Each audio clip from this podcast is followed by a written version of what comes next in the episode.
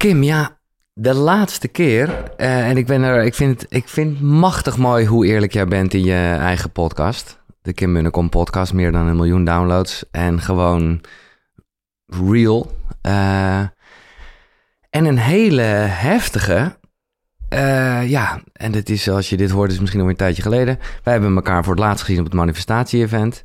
Wat ik gewoon heb ervaren als, godsamme die Kim, jongen, die staat daar en die doet de ding. En we hebben een afgelopen gesprek en zo. En vervolgens neem jij een super eerlijke podcast op, waarbij je letterlijk in tranen bent. Ja. Uh, en, en, en blijkt je daar een, een, nou ja, een breakdown, hoe heb je, noem je het? Ja. Ja. En dat, ja, sorry, ik hak er gelijk in. Ja. Maar ik dacht wel van, holy shit, dat is toch, wat een, wat een, wat een schild kan je dan hebben. Nou ja, ik, ik, ik brak op het manifestatievent zelf ook, s'avonds. Er Oké. kwamen ook tranen tijdens Ja. het opnemen van die podcast. Ehm, ja, er waren gewoon een aantal dagen die daaraan vooraf gingen, waarin het niet zo goed ging. En ehm, ik ben heel erg open in mijn podcast, omdat ik daar zelf heel erg van hou als ik naar anderen Absoluut, luister. Want ik denk dat mensen daar het meeste van leren. Het was namelijk de vraag of ik wel of niet die dag op het manifestatie-event zou zijn. En ehm, dat was op een zondag, 11 september. En ehm, zaterdagochtend, 10 september, werd ik wakker. En voelde ik me echt heel erg slecht. En zo slecht heb ik me lang niet meer gevoeld. Reden daarachter is eh, heel weinig slaap. Net een babytje gekregen van eh, vier maanden is ze nu. Gaat hartstikke goed daar niet van. We hebben Mm, gewoon heel weinig slaap met nog een peuter die, eh, die rondloopt. En ik die heel ambitieus ben en toch alles blijf doen. Tijdens mijn verlof drie maanden lang tegen iedereen heb gezegd... elk interview, alle masterclasses... ja, na mijn verlof, dus de eerste vier, Ja, ja, vijf ja. weken... waren gekkenhuis. En ik bracht de kinderen weg op zaterdagochtend. Ik zat in de auto en ik dacht echt... ik ga niet drie uur naar kunnen rijden. Ik kan die reis niet maken, want dat wordt geheid een ongeluk. En toen zat ik in tranen bij mijn vader. Daar gingen de kids naartoe. En na een half uur zei hij... oké, dan kunnen we nu twee dingen doen. Of je belt af, of ik breng je. Ja. En hij was er en dat was ook inderdaad een heel mooi moment. Ja, Ja, ik vind het supergoed dat je deelt, omdat ehm, ja, juist met waar je mee bezig bent, met de wet van aantrekking, met ondernemen, met mindset, eh, daar ja, kan je ook het voorbeeld geven doordat het door iets heel bazaals als weinig slaap Ja.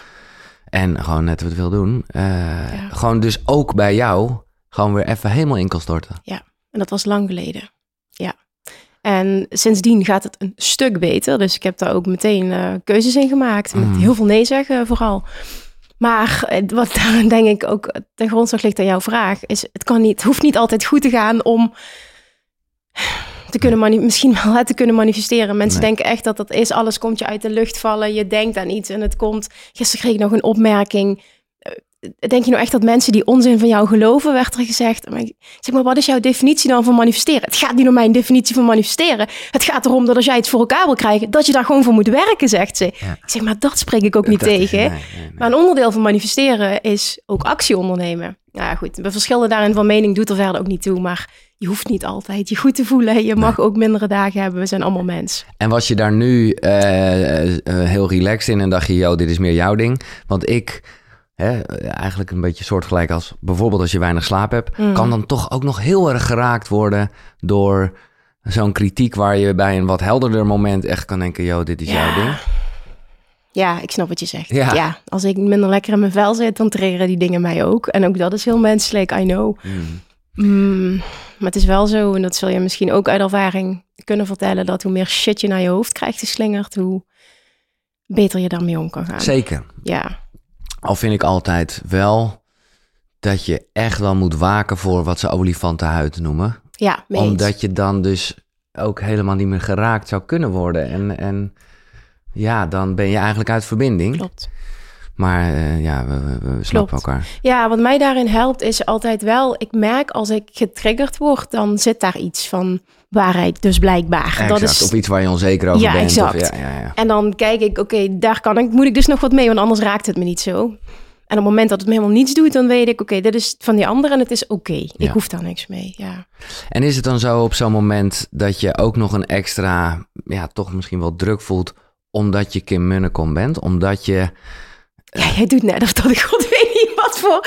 Nou ja, ja, ja, zo, zo voel ik dat niet. Nee, ja, nou ja, goed. Jij bent gewoon coach. Er zijn mensen, jij helpt mensen. eh, dus ja, dat is, dat, daar komt altijd een soort van leerling-meesterverhouding. En nu maak ik het heel Mm. groot, weet ik wel. Maar dat is, ja, jij, jij, jij geeft mensen spirit.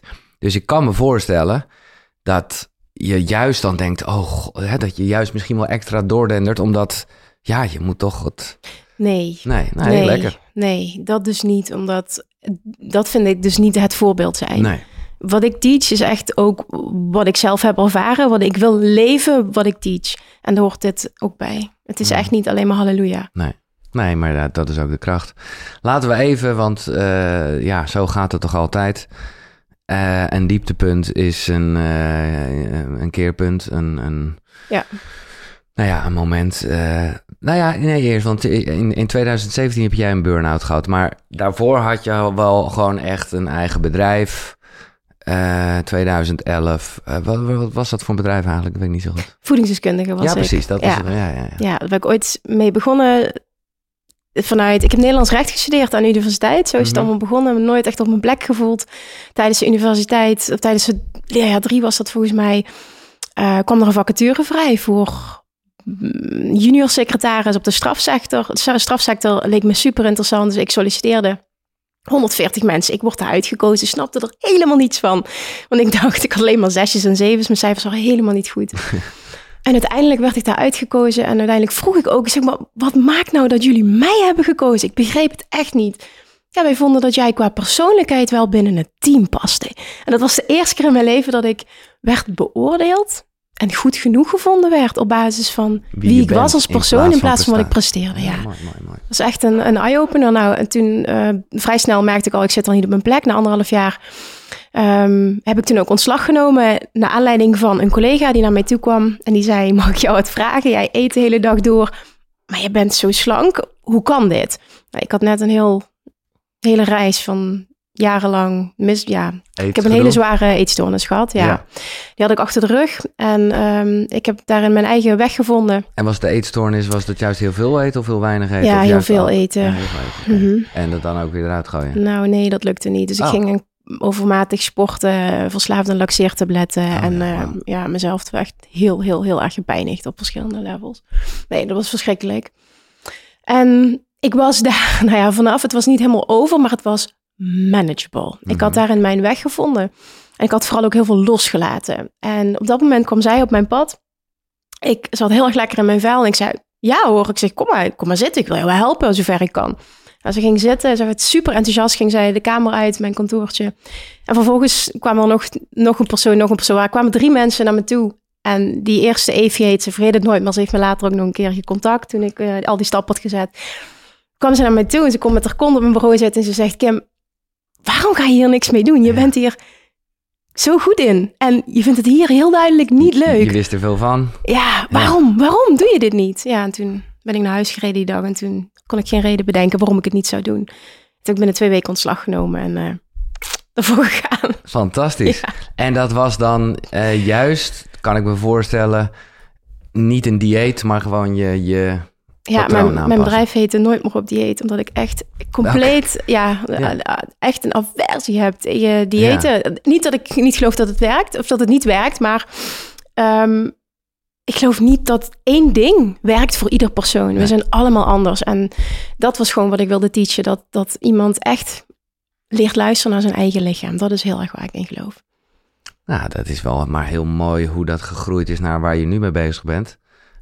Eh, wat ik me wel afvraag, ik ben benieuwd hoe jij dat ziet, is dat ik wel weet van gesprekken met andere mensen die wel iets met eten qua stoornis hebben gehad.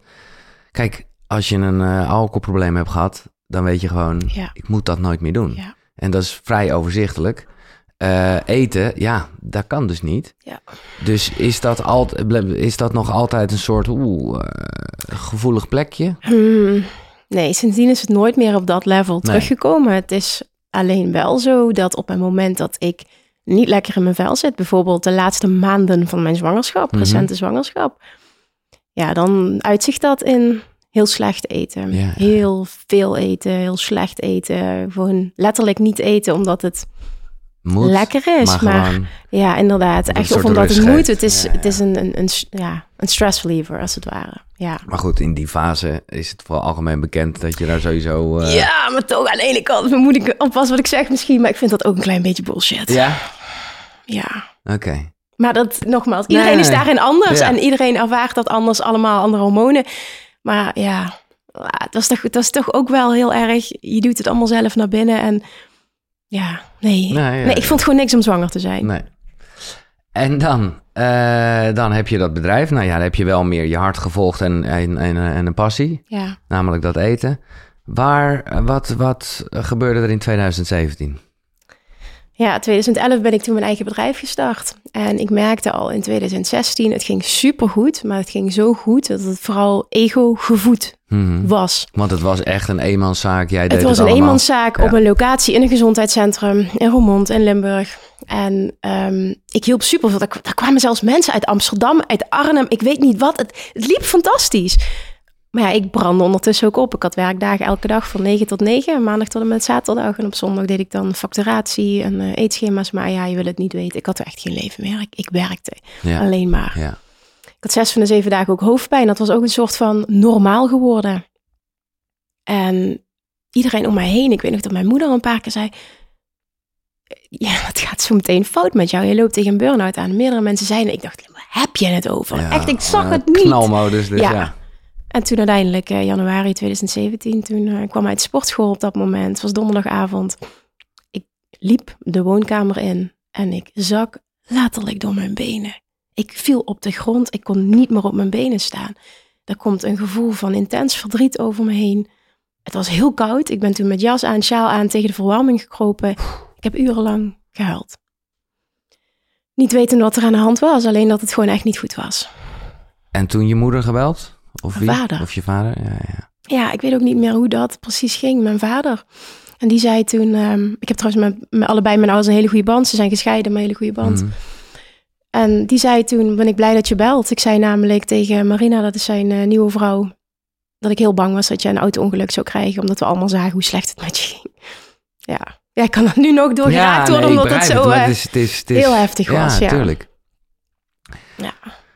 En dan? Dan weet je, oké, dit kan zo niet langer. Dat, is- dat Ja. is een feit. Ja, toen eh, was het heel duidelijk. Toen na een week dacht ik, ik kan wel weer. Dat was eigenlijk die oude Kim. En eh, ik ging gewoon weer naar mijn werk toe. En ik zat daar en ik had denk maar vier mensen gepland... waar ik er normaal gemiddeld twaalf had staan op een dag. En ik merkte dat de eerste persoon tegen mij begon te praten. En dat ik alleen maar dacht, hou je kop. Ik Ja, wil niemand meer praten. Ik wil geen enkele prikkel verdragen. Dus ik ben ook naar huis gegaan, iedereen afgezegd. En toen realiseerde ik me, het gaat echt niet goed met mij. En op dat moment heb ik de keuze... Nou, toen kwam het, het stukje... Mijn moeder die liep stage bij mij op dat moment. Ik had vijf stagiaires gehad. Op dat moment liep mijn moeder stage bij me.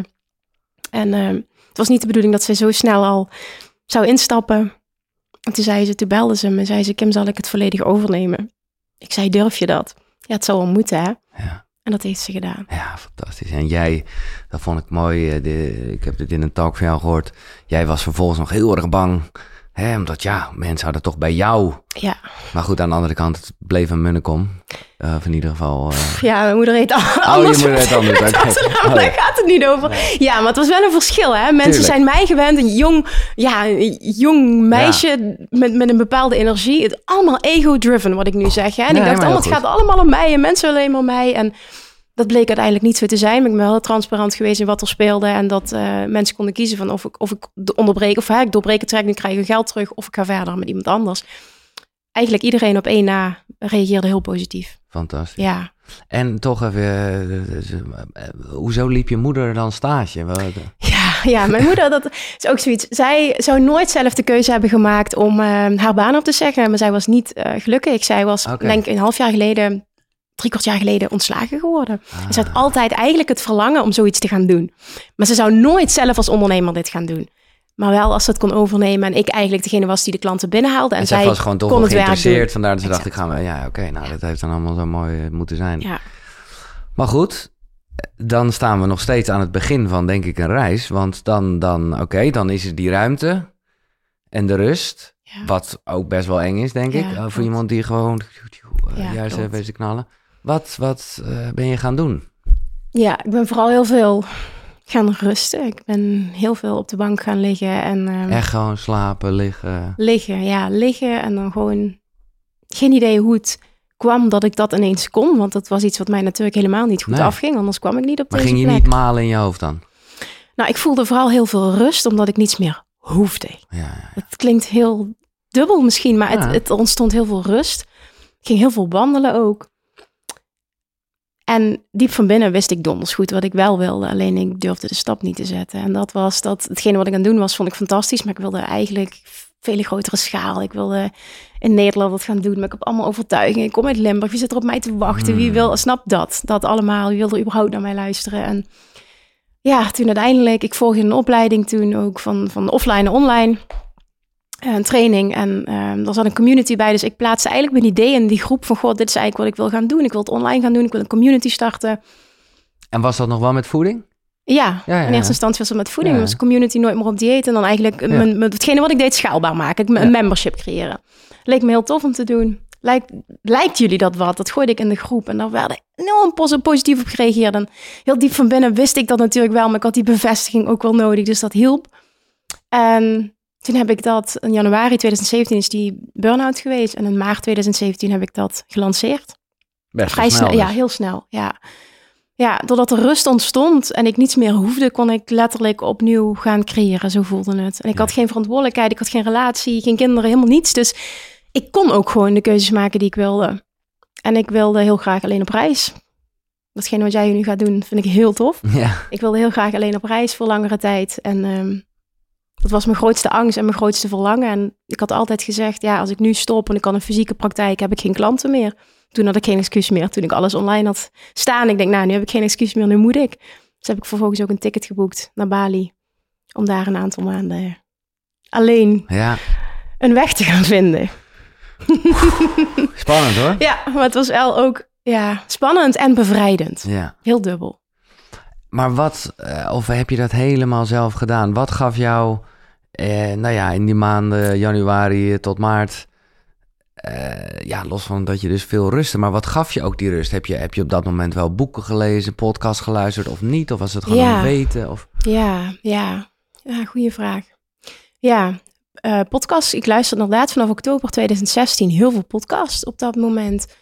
Dus dat heb ik gedaan. Ehm, maar het was vooral ook gedreven door een verlangen dat ik had om datgene wat ik deed schaalbaar te maken. Ik voelde heel erg, ik wil, ik weet het niet, ik voelde er zit een verlangen in mij. Ik, ik, ik, ik kan meer brengen. Ik, ik benut mijn potentieel niet, zoals dat zo mooi gezegd wordt. Ik, ik wil gewoon eens kijken hoe ver ik kom als ik dat ga proberen. Echt je hart volgen. ja, dat, dat was het gewoon. En Ja. op het moment dat je dat echt doet, dan vervalt, dat heb ik ervaren, vervalt weerstand. Die burn-out, die kwam doordat ik heel erg in de weerstand zat, continu. En alle weerstand viel weg en er was, er was enkel nog verlangen. Ook heel veel spanning van eng en nieuw en, dat allemaal. Excited. Exactly, ja, Ja, ja. dat. Snap ik helemaal. Ja. Ehm, en ik, ik haak natuurlijk heel erg aan op eh, dat moment dat je dan in een vliegtuig stapt. ja. Dat was geen, eh, je had geen, dat was een enkeltje? Of eh, was het wel een bepaalde Nee, periode? nou. ik, eh, ja, in april 2017 ehm, ontmoette ik mijn huidige partner. Oh, Dat kwam er ook nog eens dat even bij. Dat kwam eigenlijk eh, helemaal heel- niet op het juiste moment, maar dan gebeurt dat ook. Ja, Ehm, maar juist omdat het toen niet meer hoefde. Ik had alles losgelaten. Ik ben jarenlang, ik had pff, wekelijks misschien wel een date. Ik had het helemaal losgelaten. Ik dacht, weet je wat, lekker man, hoeft niet meer. Toen gebeurde het. Ehm, ik wilde inderdaad een half jaar. En ik weet nog na de eerste date dat we afscheid namen. Dat ik tegen hem zei, nou ik vond het heel gezellig, maar ik ga nog steeds eh, op reis. Toen zei hij, dat zullen we nog wel eens zien, zei hij. Dus ik dacht, ik vind je eigenlijk een enorme klootzak. Maar ik vind het ook wel interessant hoe je daarop reageert. Nou, uiteindelijk was het, is het een middenweg geworden. Ben ik 2,5 maand ben ik weg geweest. Vervolgens nog een keer, maar niet zo lang. Maar op dat moment is 2,5 maand. En dat was op dat moment oké. Op het moment dat ik die relatie niet had gehad, was ik denk ik langer Ja, ja, ja, nee, maar Ja. dat is ook prima. En ik, ik moet zeggen, ik heb er wel even aan getwijfeld of ik ook nog een periode, zeg maar alleen, want ik ga juist Ja. wel echt samen, wat ik ook mooi vind en, en minstens zo spannend. Alleen wat ik wel dus interessant vind, is dat jij ja, wel in dat vliegtuig stapt met toch een bepaalde verplichting naar weet ik veel hoeveel mensen in een community die je hebt opgestart.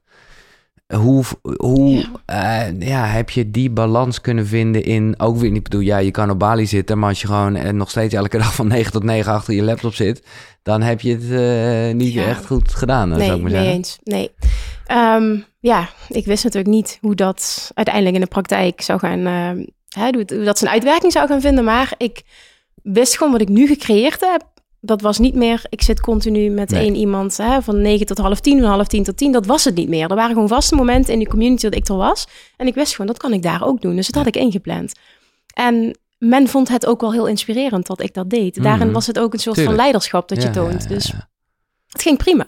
Ik werkte ongeveer elke dag tot eh, twee uur. Ging ik naar een koffietentje in de buurt. En eh, vanaf twee uur was het eh, het strand. Ja. let's go. Ja. En als ik aan Bali denk, het, het komt hier vaker. Eh, het, is, het is bijna een soort classic iets. eh, Om, nou, ja, dat het dat, dat ook wel ademde. Zo was je dan ook veel bezig met yoga, meditatie. Die, eh, ja? Ja, ja. Ik ging eh periode dat ik in Ubud was. Daar heb ik een Ja. tijdje verbleven. Dat is echt wel het, het hart van, van yoga en spiritualiteit. Daar zat ik in een guesthouse waar ik elke ochtend ging ik daar ehm, naar een, eh, inderdaad, naar een yogales. Maar dat was zo bijzonder hoe Mhm. dat daar, dat is niets vergelijken. Ja, Nee. ook dat kan Nee, ik niet. nee, hè, maar- maar... ik ben daarna ook nog in Nederland dit gaan doen. Het was gewoon niet te Ja, vergelijken. Echt niet te vergelijken. Iedereen, de mensen daar die ademen. Het is echt een soort dienst bijna in plaats van een beetje gimmen. Ja, absoluut. Ja, dat gaat veel dieper. Je begint ook met een, met een meditatie. Ehm, die hele yoga practice is een meditatie. Het eindigt met, met zoveel wijsheid. Maar die mensen daar, die leven ook wat zij, wat zij teachen. Mhm. Echt, het, ik vind dat heel, als heel bijzonder ervaren. Ja. En was dat eh, nieuw in jouw leven? Eh, Ja. ja. Ja. Dus, dus, dus in, eh, in jouw eerste bedrijf en zo, de- in, de, in de knalfase noem ik het maar even. Ja. Daar, daar was je niet bekend Nee. met al deze. Ja, ik was er wel bekend mee, Ja. maar ik, ik, dat, dat was voor later een keer. Ja. Dat, Ik nam daar nooit de rust voor. En op dat moment, het, het was de bedoeling. Ik was daar met een, met, een, met een doel om die innerlijke rust te vinden, die ik wist dat daar wel in zit. Ik geloof dat ieder mens dat in zich heeft. En ik plande mijn dagen echt zo van niets, niets moeten, maar wel een bepaalde routine creëren, want Ja. ik weet dat ik het daar goed op doe. Nou, dat, ik moet eerlijk zeggen, dat spreekt me ook best wel aan. Ik wil juist mezelf uitdagen om dat een soort van helemaal los te laten. Hè. Dus Ja. ik heb, eh, nou ja, radio dus echt stop gezegd. Ehm, en nou ja, ik, we hebben het er net voor eh, dat we begonnen er eigenlijk over gehad dat ik Koekeroe gaat zeker door. Dus misschien ga ik daar wel dingen doen. Jij inspireert me ook met jouw podcast waarbij je gewoon lekker in de auto random, of nou niet random, Ja, zo, maar ja, gewoon hè, een verhaal vertelt. Eh, maar ergens denk ik, nee, ik, eh, ik, ik, moet, ik moet dat nog niet plannen. Maar zoals jij het nu schetst met zoals je naar Bali ging, denk ik, oh lekker. Wel een soort houvast hebben, Ja, maar genoeg ruimte. ja. Want ja, ik denk dat ieder mens lekker gaat op routines. Dat wilde ik net zeggen. Ik geloof Ja. dat ieder mens het daar goed op doet. Goed op doet Ja. Omdat, eh, dat, ja, dat zie je bij babytjes. Die doen het ook goed op, Ja. op rust en regelmaat en routine. Dus ehm, ik denk dat, dat wij als mensen ook zo gewired zijn. Dat we dan, maar er moet wel ruimte zijn om... Die balans. ja, tussen- dat, ja. dat is het. En, en dat, ik denk dat dat het hele ja, doel is ook, omdat in het hier en nu... Weet je, je hoeft daar niet voor naar Bali toe. En Nee. ik dacht dat ik daarvoor weg moest zijn, maar dat is natuurlijk bullshit. Ja, want kan je nu, eh, ja, niet zozeer dat je in gedachten naar Bali gaat, maar ik bedoel wel de, de, ja, noem je het mindset of gewoon gevoel wat je hebt. Kan je daar nu in je dagelijkse, nog steeds vrij hectische leven, kan ik me voorstellen, sneller, gewoon, Ja. kan je gewoon nog naar, sneller. Het is niet op hetzelfde level Nee, als daar. tuurlijk. daar. Het heeft vooral met mij te maken met het mezelf toestaan om los te laten en oké te zijn dat ik niet de hele dag achter die laptop zit. Dat ik Nee. niet de hele dag aan het werk ben. En dat zit, daar zit nog steeds die overtuiging. Dat moet. Eh, om succesvol te zijn, eh, moet je. Moet je, ja, ja. dat. En ik werk daar enorm. Ik heb daar enorme stappen op eh, ingezet. Maar er zit nog wat. Er Ja. zit nog wat. Ja. ja, maar goed, Ja. dat is niet zo gek. Dat is ongeveer de wereld waarin we leven ook sowieso. Ja, maar heel veel mensen hebben zo het verlangen om daaruit te stappen. Mhm. En ik merk ook als ik, ik bijvoorbeeld elke dag om vier uur klap ik mijn laptop dicht, ga ik een uur, anderhalf uur wandelen voordat de kids thuiskomen. En dat doet me echt extreem goed. Dat is gewoon Dat is echt een non-negotiable. lekker. Ja. Nou ja, talking about routines. eh, dat is ook een ritueel in dit eh, gesprek. Namelijk, wat is je ochtendritueel als je die hebt? Je hebt kinderen, dus ik Ah. snap dat dat een... eh, ja, dat is veranderd sinds ik kinderen heb. Ja, Ik weet nog dat ik in een van mijn programma's uh, heel enthousiast zit te vertellen over dat ik elke ochtend om vijf uur opsta. Want dat heb ik een hele lange tijd gedaan. Ja. Zonder kids ging dat helemaal fantastisch. Nu echt niet meer. Um, nu is het, de wekker is inderdaad uh, de kids. En Ja. vanochtend had ik gelukt. Was het geloof ik half zeven pas, maar vaak is het ook vijf uur. Eh, of ik het nu wil of niet. En dan ehm, ga ik met mijn zoontje ontbijten. Die is twee jaar. En dan eh, kijkt hij een filmpje en dan ja, ben ik gewoon, vaak ben ik gewoon naar buiten aan het staren of even met hem aan het knuffelen. Dan gaan we de kids klaarmaken. Dan eh, komt de kleine, het babytje komt naar beneden toe, die eh, voeden we. En die gaan dan, of die zijn thuis de dag, of eh, ze gaan naar open oma of naar de opvang. En vervolgens pak ik even een moment voor mezelf. Oké, dan komt het precies. Ja, want ik heb dat wel nodig voordat ik mijn dag start. Het is niet gekoppeld aan een vaste tijd. Ik hoorde Gwen in de aflevering Ja. Vertellen over... Ik, tot half, voor half elf wil ik niet... hè, kon, nee, geen, Nee. dat, dat, Nee. dat heb ik dan niet.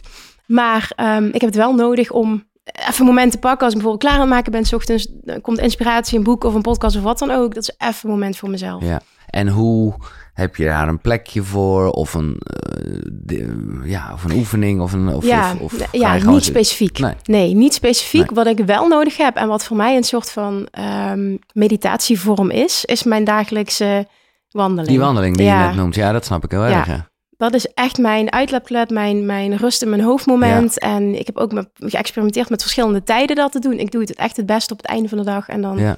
afschakelen, podcast luisteren, podcast opnemen. Dat is ook mijn moment van eh, Ja, ja, ja. eh, productie. Want dan, dan doe ik het gewoon, ja, ik doe het daar het beste op. Maar hoe, eh, want ik vind dit fijn klinken, maar tegelijkertijd zit er dus ook nog wel hè, dat je wel met je mobiel bezig bent. Ja, de kans dat ik dan weer een uur heb gelopen, alleen maar bezig met appjes en dingen.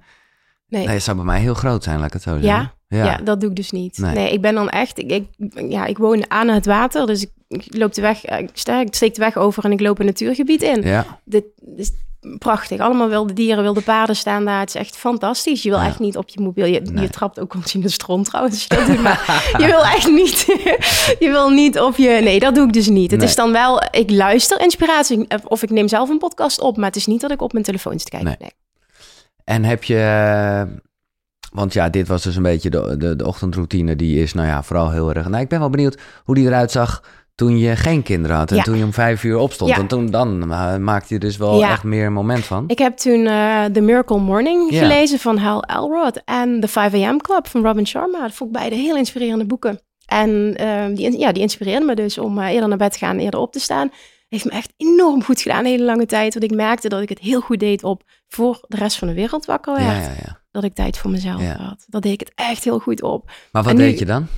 Ehm, ik ben een enorme fan van heel uitgebreid ontbijten. Ja, ja, ja. Dat, dat deed ik dan gewoon even helemaal alleen. Ja, Oh, in de woonkamer zitten of in de zomer buiten. En dan ehm, mijn, mijn havermout met appel is mijn vaste routine Ja. ding. Nou, die eet ik dan 's ochtends. En gewoon zitten en dan inderdaad een boek luisteren of ja, ja. gewoon even zijn. Dat is het vooral. Ja, En dan maar dan, en, en, en wanneer ging je dan toch ook weer, eh nou, ja, dan ging je waarschijnlijk wel om zeven uur of weet ik veel wat, zat je al wel. nee. Dat Nee, viel, helemaal niet? Nee, dat Oh. viel best wel. Dat ging echt wel eh, een paar uur overheen. Ik denk dat ik zeker drie uur 's ochtends... eh, ja, dat was echt fantastisch. Ja, top. Ja. Ja, nou ja, het duurt waarschijnlijk nog eh 17 jaar, dan kan het weer. Zoiets, ja.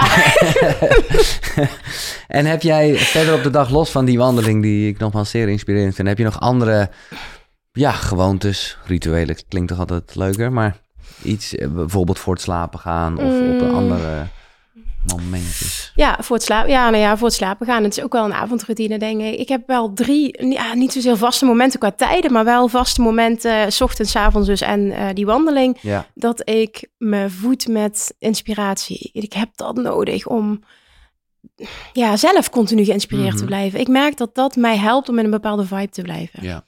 En dat kan, ja, kan van alles zijn.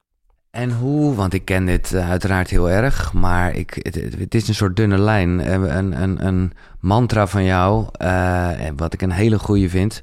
All I want to be is already in me. Ja, En je zou kunnen zeggen, ja, zelfontwikkeling my ass dan, weet je wel. Wat klopt. heeft het voor zin? Dus Klopt. als je hè, de, de- de dunne scheidslijn tussen al die dingen luisteren die inspirerend zijn, maar ook zouden kunnen eh, wijzen naar dat het nu nog niet goed genoeg is. Ja, mee eens. Nou, hoe ik dat zie, all I want to be is already in me. Dat ik echt oprecht geloof dat alles eh, wat we willen zijn en wat we willen doen en wat dan ook, dat er allemaal in ons zit. Dus als je het zo ziet, zouden we geen enkele coach of boek of wat dan ook nodig hebben. Dat klopt. Maar ik geloof er wel in dat ehm, alles in ons zit, maar dat ook heel veel vergeten is. Of Mhm. ik omschrijf dat vaker als dat er heel veel lagen van Ja, bullshit om ja. ons heen zijn gekomen. Letterlijk door ont- opvoeding. ontwikkelen is het. afdoen. Exact, ja, het afpellen van al die lagen. En daar kan een coach hè, die de juiste vragen stelt of wat dan ook, of een boek of wat dan ook, je heel erg bij helpen om die, die ontdekkingstocht weer, om, dat, om die reis naar binnen te maken, die eigenlijk om daar te komen waar je, waar alles zit, die, die bron Mhm. die je bent. Ja, dus zo zie ik dat. Het is een en-en verhaal. Ja, exact.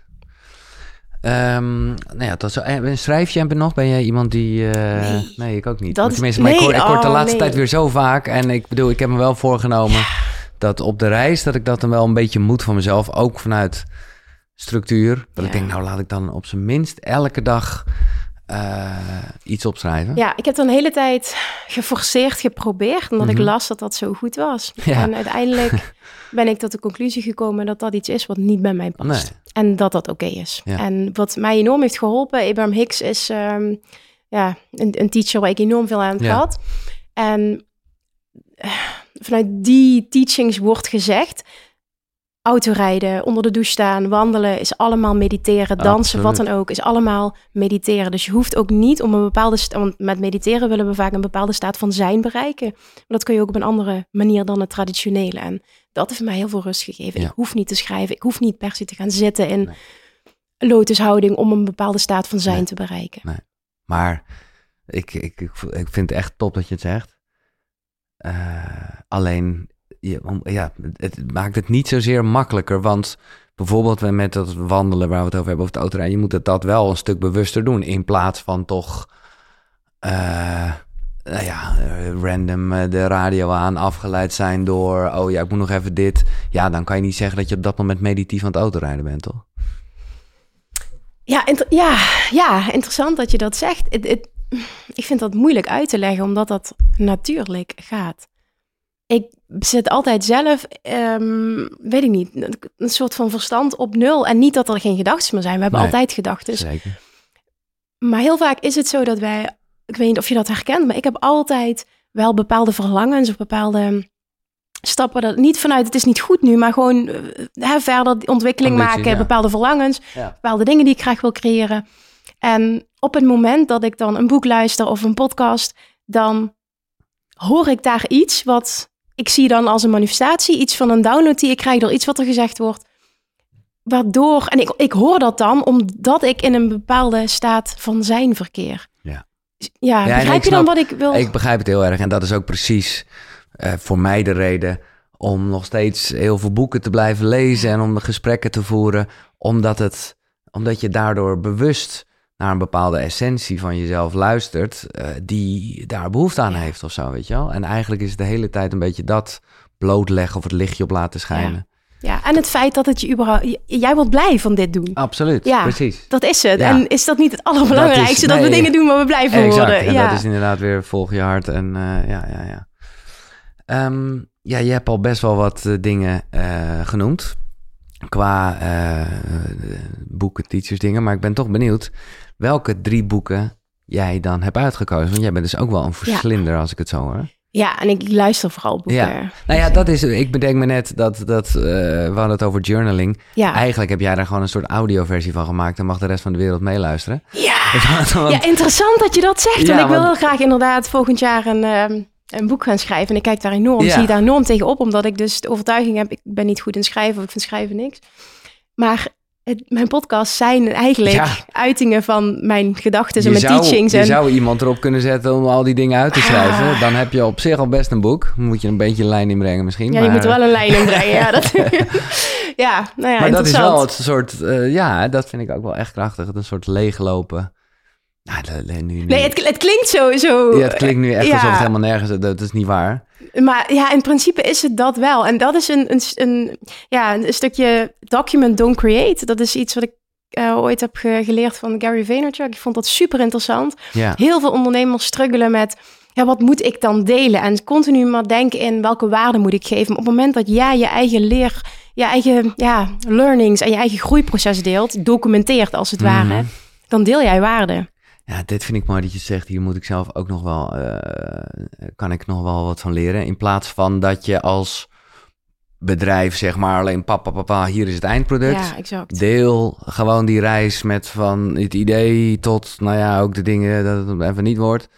Dat, ja, want daar zitten ook allemaal podcasts bij waarin het niet zo goed. Want ik ben gestart in 2018 met die podcast. En als je kijkt, heel veel mensen die zeggen ook, heb je podcast? Ik ben bij één begonnen. Als je kijkt waar ik toen stond en waar ik nu sta. En toen was het ook goed. Alleen, dat is een Dat is toen. huge verschil. Ja. Ja. En dat was allemaal documenteren van de reis. En daarom, we hadden het daar net over. Hè? Omdat ik denk, ik zou zelf namelijk heel erg geïnteresseerd zijn Ja. in jouw bevindingen eh, tijdens jouw reis. Ja. Nee, ik voel ook wel dat dat gewoon eh, audio en zo, dat dat ook misschien meer mijn manier is. Dus misschien ga ik dat schrijven helemaal niet doen. Eh, maar ga ik dat momentje, Dat is interessant, ja. Ja. ga ik dat op die manier. eh, maar ik moet zeggen, ik ben er gewoon. Nou ja, het, het, het, het twinkelt absoluut. Dus, Die Gary Vee waar ik net over had, ik vind ja. het sowieso een heel inspirerend figuur. Die doet sinds kort, heeft hij een eh, five-minute walk talk. En dat is echt een ja, super drukke man. En elke morgen dan loopt hij naar zijn kantoor in New York en dan eh, neemt hij een video op waarin hij ehm, vijf minuten zijn gedachten van dat moment deelt. Het is eigenlijk precies Ja, dat, hè? ja, ja, nou, de hele week pakken ze dan samen in een podcast. Dus er zijn er zeven achter elkaar, maar die worden dus ook voor de socials gebruikt en als inspiratie. Het kan zo simpel leuk, zijn. Leuk, bedankt. Maar wel even, en ik zeg niet dat het fout is, maar ik ben wel benieuwd hoe je het ziet. eh, als we het hebben over ego. En ik volg die Gary, tenminste, ik weet even niet, hij is lang niet om het tijdlijn verschenen, bedenk ik me nu. Ja. Maar ik volg hem in principe wel. Maar Hoe zie je dat? Want ehm, ja, dat is natuurlijk iets, ook eh, op het manifestatie-event, eh, eh, ja, ging het daar dan heel erg over met Willemijn. En die zit net als ik dan heel erg in die cursus. Dus dan is, ja. ja. dus, dus de ego is dan toch echt iets, nou ja, eh, nou ja, hoe zie je dat? Ja, hoe zie je dat? Ehm, Want die Gary, voor de mensen die hem niet kennen, dat is me wel een power. eh, Ja, en als je hem echt volgt, en ik consumeer echt heel veel content van mhm. hem, dan hoor ik daar dus, ik hoor daar dus wet van aantrekking. En dat zal hij nooit letterlijk op die manier, want zo staat hij niet in het leven. Nee. Maar in die teaching zit gewoon wet van aantrekking. In, in, het klopt, hij is heel erg ook, en, zo wordt hij ook gepositioneerd als hassel, hassel, hassel, werk je helemaal kapot. Maar in Ja. de kern is dat niet wat hij zegt. Het wordt ook heel erg uit zijn verband getrokken. En hij is wel iemand die heel productief is, zeg maar, in de tijd dat hij werkt. Dat vind ik heel inspirerend. Ik vind het ook, eh, ik zou niet met hem willen ruilen. Nee, hij zegt dan meetings van zeven minuten Ja. en lunch niet. Ik denk, ja, oké, eh, hè, maar dat, dat ambieer ik niet. Maar ehm, ja, het is, maar net, het is maar net wat je eruit pakt en wat je hoort. En eh, het zit anders in elkaar, denk ik, dan dat Ja. veel mensen... Maar oké, laat ik de vraag wat algemener stellen. Ja. Hoe kijk je aan tegen ego? Nou, ik zie ego dus niet als iets negatiefs. Nee. Ehm, het is een onderdeel van ons. En eh, wat mij heel erg raakt en voelde als waarheid... is dat het onze taak is om aan de ene kant ego en inner being, zeg ik dan... de, ziel, noem maar die heeft Mhm. een beetje een naam... ehm, in lijn met elkaar te krijgen. En dat is waar eh, ook in de teaching van de wet van aantrekking over gaat... het bereiken van alignment. Dus dat ego in lijn is met inner being. En ego heeft tot taak om je veilig te houden... en die zal altijd datgene doen om de situatie die nu vertrouwd is in stand te houden. We betitelen dat vaak als negatief. Ik wil een andere kant op en als ik hier blijf Maar jij dan... zegt vanuit liefde zijn het gewoon even die kritische dingen, gewoon jezelf scherp houden. Ja, en het vooral zien. Ik, Ja. ik praat zeg maar niet hardop, maar ik kan nu ondertussen zien dat dat gebeurt. Dat het Mhm. een ego is die oppopt en die dominant is. En dan die zit altijd mijn rechterschouder. Klinkt heel onnozel. Nu voor mensen die dit alleen horen, die denken, wat de fuck is dit? Maar die zitten op mijn rechterschouder. Ik praat niet hardop, maar het is wel zo ik dan zeg, oké, weet je, dankjewel dat je me hierin gids. Het is veilig. We gaan even goed die kant op, want het is goed daar. Ik wil daar naartoe. En dat maakt het niet in één keer, oh, makkelijk. Dus je zegt het tegen jezelf en zonder belemmeringen ga je een nieuwe kant op. Nee. Maar het is wel zo, ehm, op het moment dat je ego onderdeel maakt van je reis en ook ziet dat het een bepaald doel dient, ja, kun je er een ander perspectief plaatsen en is het niet Ja. per definitie slecht. Het is denk ik die balans. Ah, ik vind het heel mooi wat je zegt. En, eh, eh, want het is, jij zegt letterlijk bedankt. En nou, dat zal je van Willemijn wel of niet weten. Maar in de cursus is het heel erg eh, bedankt voor het betekenisloze commentaar. En daar gaat bij mij ook altijd iets dat ik denk, nou, betekenisloos, betekenisloos. Ik vind het goed dat je er niet per definitie altijd naar luistert. Ja. Of dat je gewoon hè, dat bewustwording eh, ding is. Maar ja, en jij zegt juist bedankt.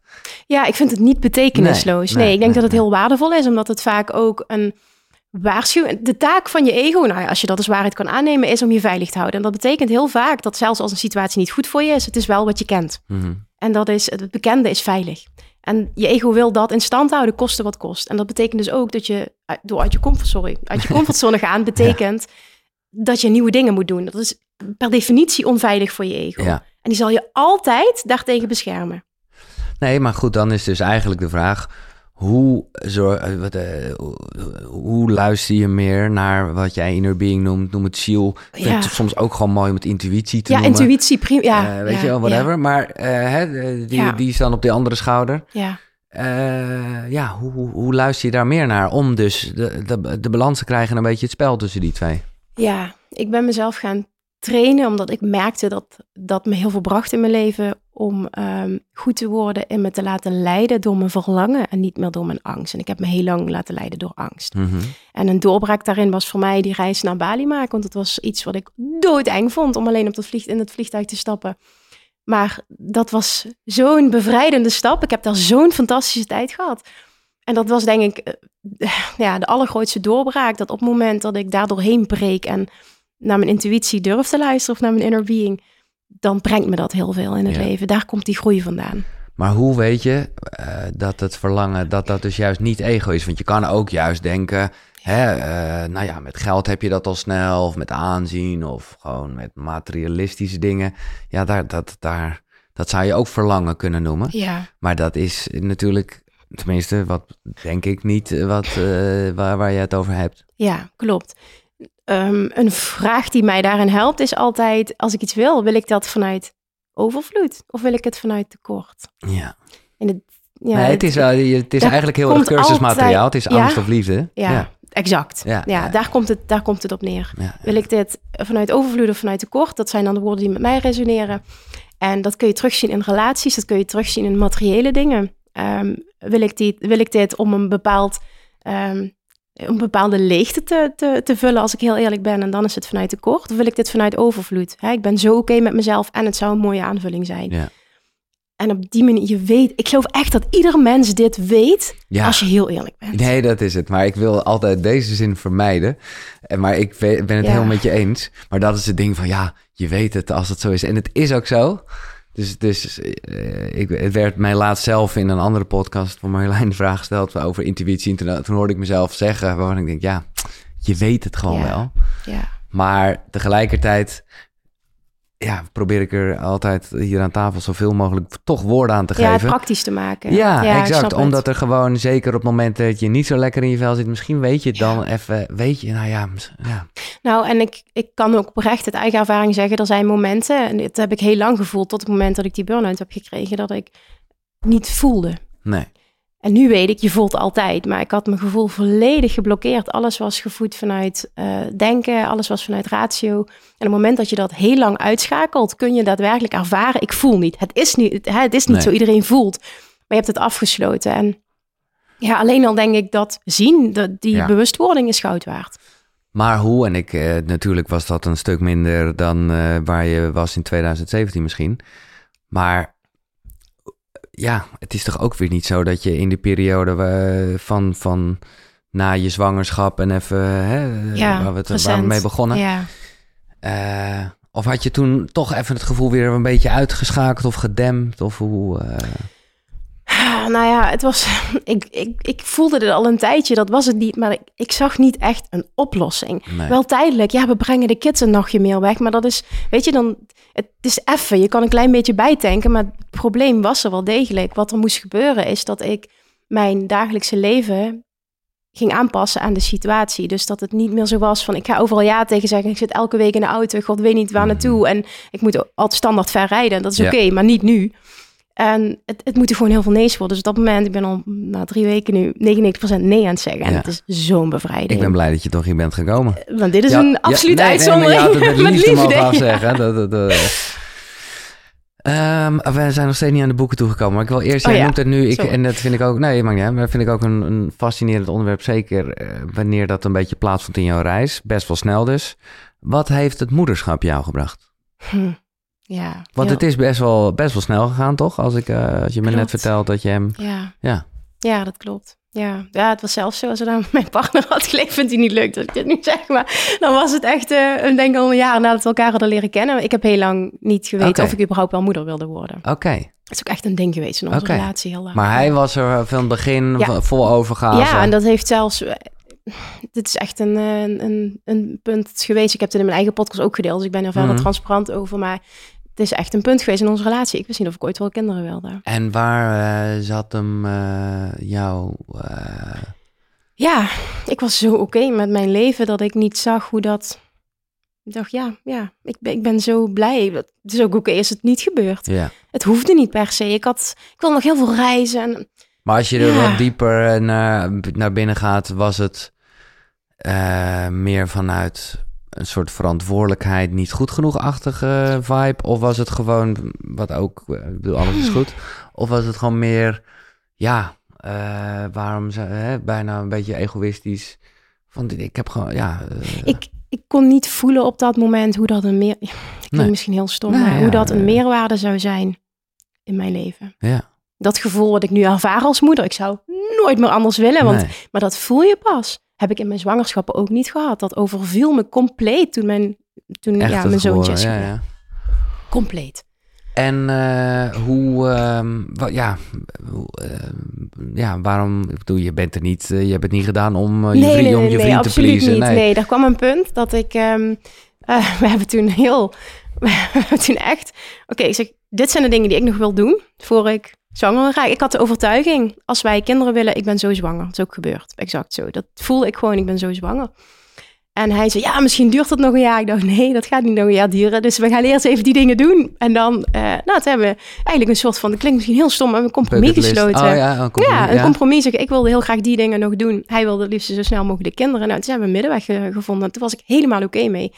En, ehm, En mag ik weten om wat voor dingen gaat het? die oh, voor mij was het reizen. Ja, precies. Ja, ja, Ja, ik wilde ja. nog een reis maken naar Amerika op dat moment en naar, naar Thailand. Ja. Dat waren twee dingen die ik En dan wel met wilde. hem? Ja, samen. Ja, Ja, nee, ja, Ik wilde gewoon nog wat van de wereld zien. Twee, eh, twee dingen had ik nog. eh, ja, dat hebben we toen gedaan. En toen ehm, eh, tijdens de reis naar Amerika ben ik Bam. ook zwanger geworden. Ja. En dan zeg je, dat zeg je best wel snel, maar is, dat is nog wel iets. dat je tijdens de zwangerschappen nog niet helemaal voelde.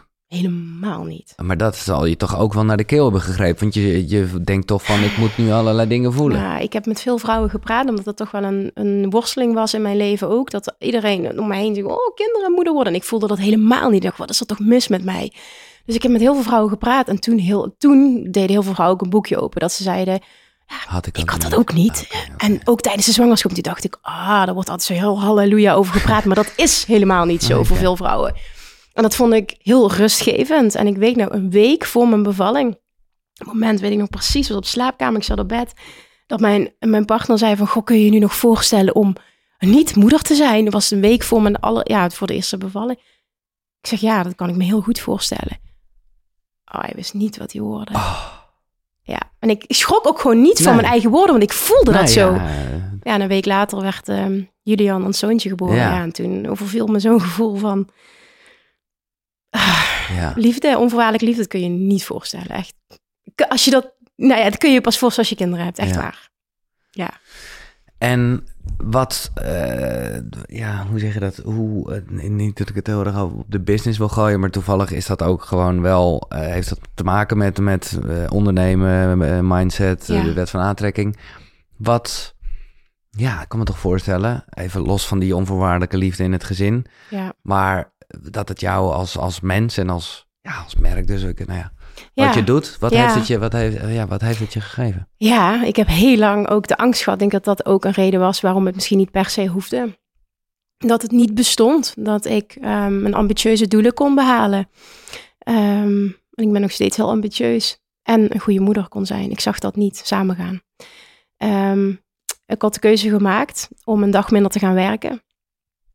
En al vrij snel merkte ik, en daar schrok ik ook wel van, toen eh, Julian geboren werd, het hele werk, dat boeide me helemaal niets meer. Alles kon kapot vallen. En ik dacht, oh wat erg, ik ben mijn hele ambitie kwijt, ik ben mezelf niet meer. Maar het boeide me ook niet Nee. op dat moment.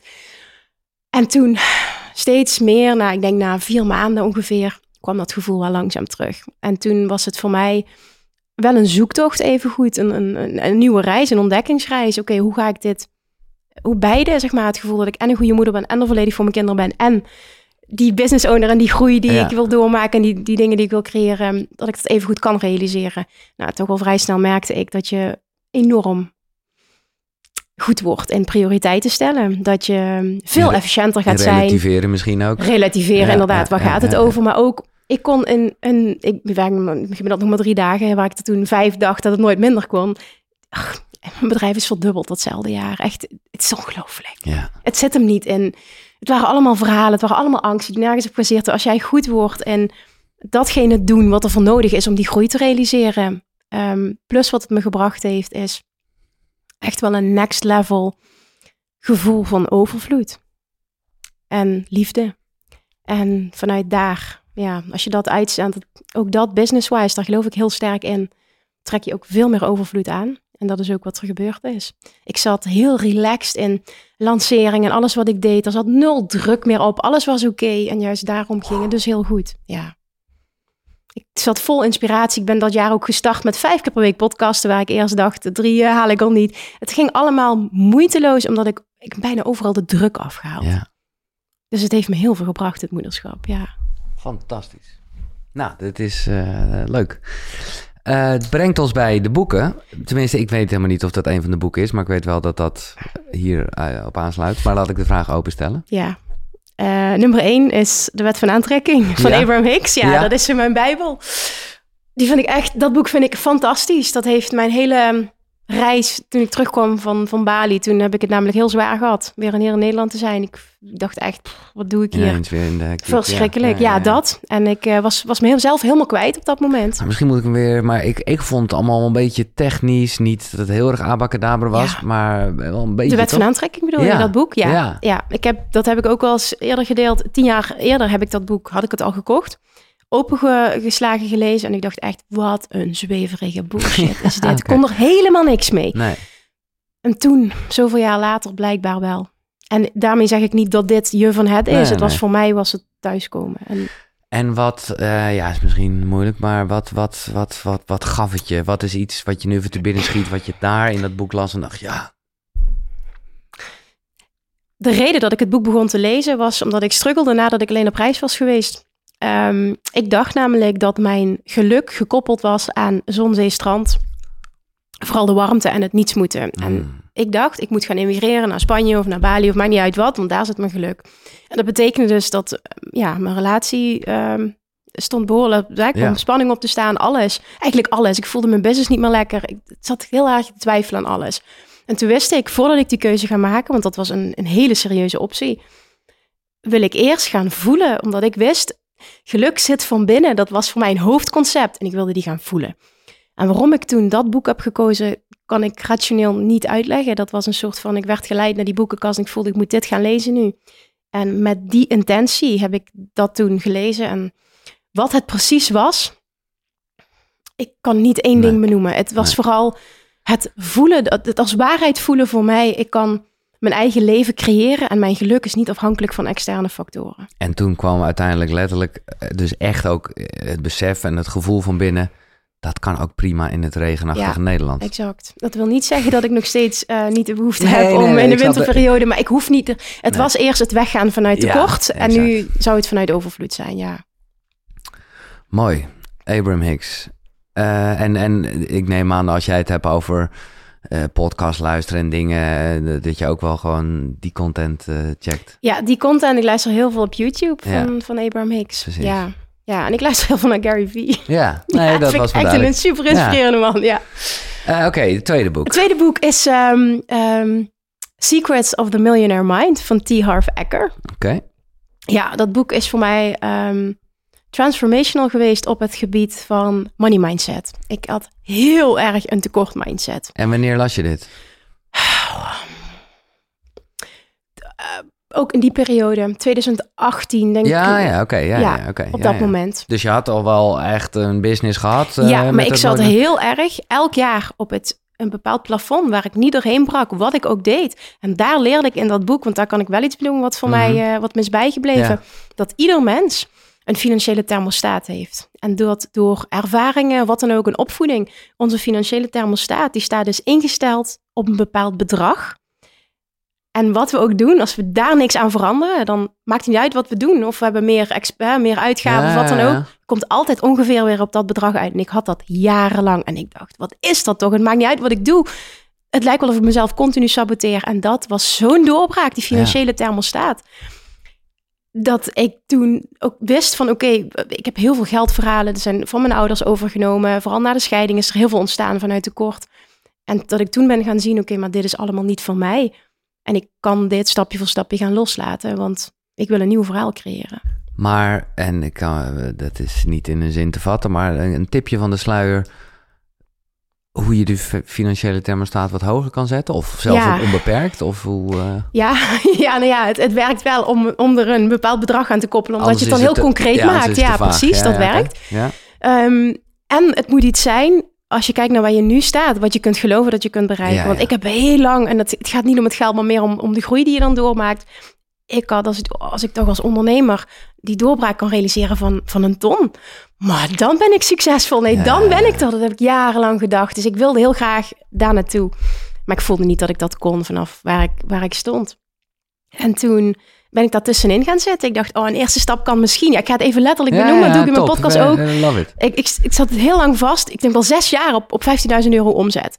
En ik wilde heel graag naar die ton. Ik dacht, nou, als ik daar ben, dan, dan ben ik er. Heb ik het ultieme bereikt. Het sloeg natuurlijk nergens op, maar goed, dat was het. En toen, 75.000 kon ik geloven. 75. Ja, dat kon Ja. ik geloven. Ja, Ik denk, moet er een paar dingen veranderen. Ik kon het wel zien wat ik dan moest doen. En iets moest groter. Ik denk, oké, dat, dat kan ik wel.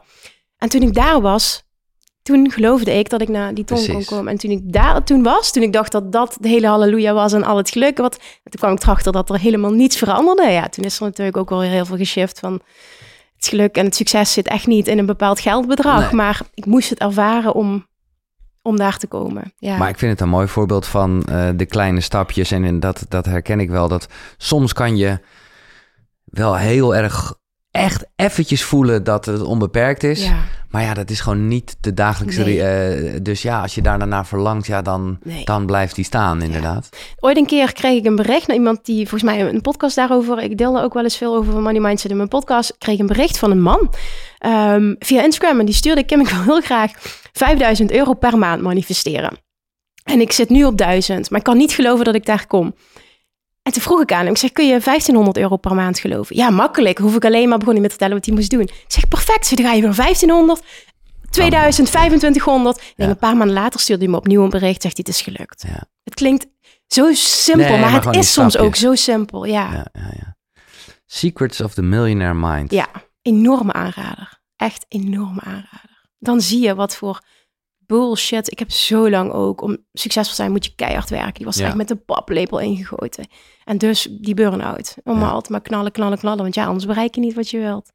Ja, wat me er een beetje in tegenstaat, maar ik, ik, ik, eh, zal de eerste zijn die het mijn eigen belemmerende, beperkende overtuiging noemt, is dat, kijk, bij Think and Grow Rich of dat soort dingen, dan kan ik rijkdom nog wat breder zien dan alleen flappen, zeg maar. Ja, En Millionaire Mind, ja, dat klinkt toch wel heel erg gewoon echt zo als geld. En, ja, mm, maar Ja, nogmaals, het is mijn eigen ding hoor. Terwijl ik het mooi zeggen, je. denk ik, oké gast, daar zit dus iets en dat weet ik ook wel. Nou, ik hoorde je dat, namelijk, je zei dat ook tijdens eh, de, opko- de Ja. podcastopname, Oh tijdens ja, de over zei je dat ook. Dat zet me ook aan. Dat, in ieder geval, ik weet Ja. dat ik dat toen dacht. Want ik weet het, en heel veel mensen voelen dat zo, en ik heb dat zelf jarenlang gehad. Nou, is dat, is dat erg? Het is voor mij een Ja. onderdeel van rijkdom. Want uiteindelijk ging ik Ja. me afvragen, oké, maar wat, wat wil je dan? Waarom wil je dit eigenlijk? Wat is het verlangen achter het verlangen? En voor mij was dat, ik werd enorm gedreven nog steeds door het maken van impact. En ik wist, op het moment dat ik bepaalde financiële doelen kan behalen, kan ik mijn team uit gaan bouwen. Ja. Kan ik daar iemand opzetten? Kan iemand me helpen met content creatie? En kan ik. En dat voelde voor mij als zo. En je moet het niet verantwoorden, maar het voelde voor mij al zo oké. dat ik dat dus los heb kunnen laten, wat, je, wat jij nu zegt. Ja, maar het is gewoon meer dat ik ook gewoon wel eh, vaak een soort slecht voorbeeld daarin heb gezien. Of dat is misschien wat ik eruit gepikt heb. Maar waarbij je gewoon denkt, ja, weet je, als je, als je heel veel geld hebt, nou dan weet je één ding, dan is vrijheid ver te zoeken. Want dan ben je eigenlijk alleen maar bezig met het managen daarvan en zorgen dat er niet te veel mensen in je omgeving zijn die daar misbruik van maken. En, eh, Dus ergens denk ik, ja... Ja, dan ben ik toch weer zo oer-Nederlands die zegt... nou ja, doe maar gewoon. Dan ben je Ja. wat dichter bij die vrijheid... dan Ja. dat je zoveel... eh Ja, en het, maar het is ook niet zo, denk ik, want dat vrijheid dit... is waar het, wat erachter ligt, Uiteindelijk, toch? dat is het, dat Ja. is het echte verlangen. Absoluut, Ja. ben ik ook helemaal met je eens. En ik ben, voor mij is het dus nu ook al lang niet meer dat het daadwerkelijk om het geld gaat. Want dat Nee. dacht ik altijd. Maar het zit er meer in dat ik het fantastisch vind om mezelf uit te dagen. En als ondernemer doe ik dat ook op zo'n manier om die groei. Want dat staat voor mij gelijk. Bepaalde financiële doelstellingen halen staat gelijk ook weer aan heel veel mensen kunnen helpen. En Ja. Nee, zo moet, Weet als je, het dan is- weer in energie... dan Ja, ineens denk absoluut. je bam... eh, Dat. dat. Maar dat weet je, de ene gaat aan van letterlijk, we hebben het over geld, de andere Ja. gaat aan. Maar voor mij is rijkdom ook echt veel meer dan dat. Het is Tuurlijk. een onderdeel van, want het maakt het leven wel een stuk gemakkelijker. Maar, lang verhaal kort... jij raadt hem dus zeker wel aan voor mij om te lezen. Ja, Ja. omdat het je ehm, perspectief shift. En ik denk dat dat heel waardevol kan zijn. Top. We gaan naar het derde boek, maar eerst even een kleine plaspauze. ja, Ja. het derde boek.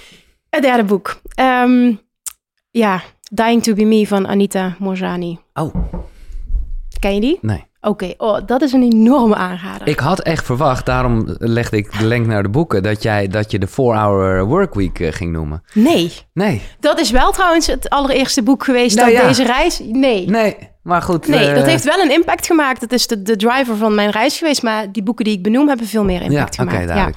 Nee, eh, Dying to be Me van Anita Morjani. En dat is, ehm, eh, voor degenen die het boek helemaal niet kennen, en deze vrouw, ehm, zij ehm, heeft een bijna doodervaring gehad. Zij had, eh, ik geloof, 26 tumoren in haar lichaam ter grootte van citroenen. Zij lag in coma, eigenlijk opgegeven.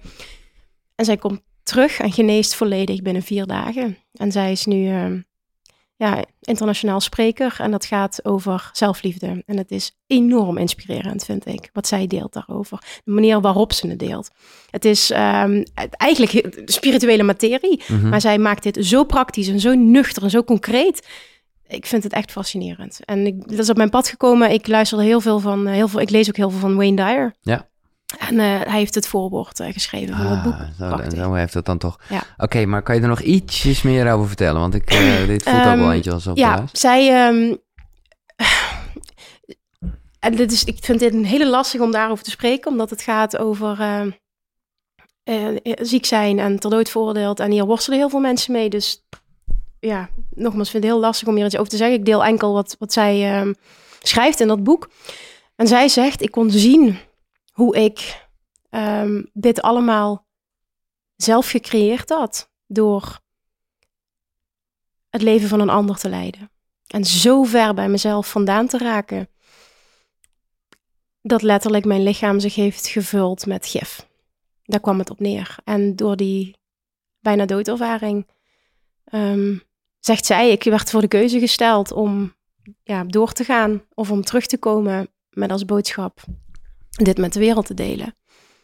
Ja, nou ja, het res- het resoneerde heel erg met mij. Ik vond het super inspirerend. En zij is dus nu ehm, alles gaan teachen over de kracht van zelfliefde. En hoe dat een enorme impact heeft op alle vlakken van je leven en helemaal je gezondheid. En waarom jij het zo gevoelig vindt, en ik snap het hoor, ik zeg dat ook altijd als het hier te sprake komt, is omdat je niet wil zeggen tegen mensen die een ziekte hebben dat ze dat zelf Nee, gemanifesteerd hebben. absoluut niet. Nee. Nee, Maar absoluut echt, ik, niet. en ik heb het hier wel vaker gezegd. Eh, en dat is iets heel heftigs. En ik zal, eh, maar weet je, zowel mijn zus als mijn vader, die aan kanker zijn overleden. Wauw. Ergens, juist, eh, daarom durf ik te zeggen, voel ik wel dat dat toch oh, ja, op zijn minst een onderdeel is. En dat is een samenloop van omstandigheden Ja. je wordt opgevoed. Maar dat ik wel denk van ja.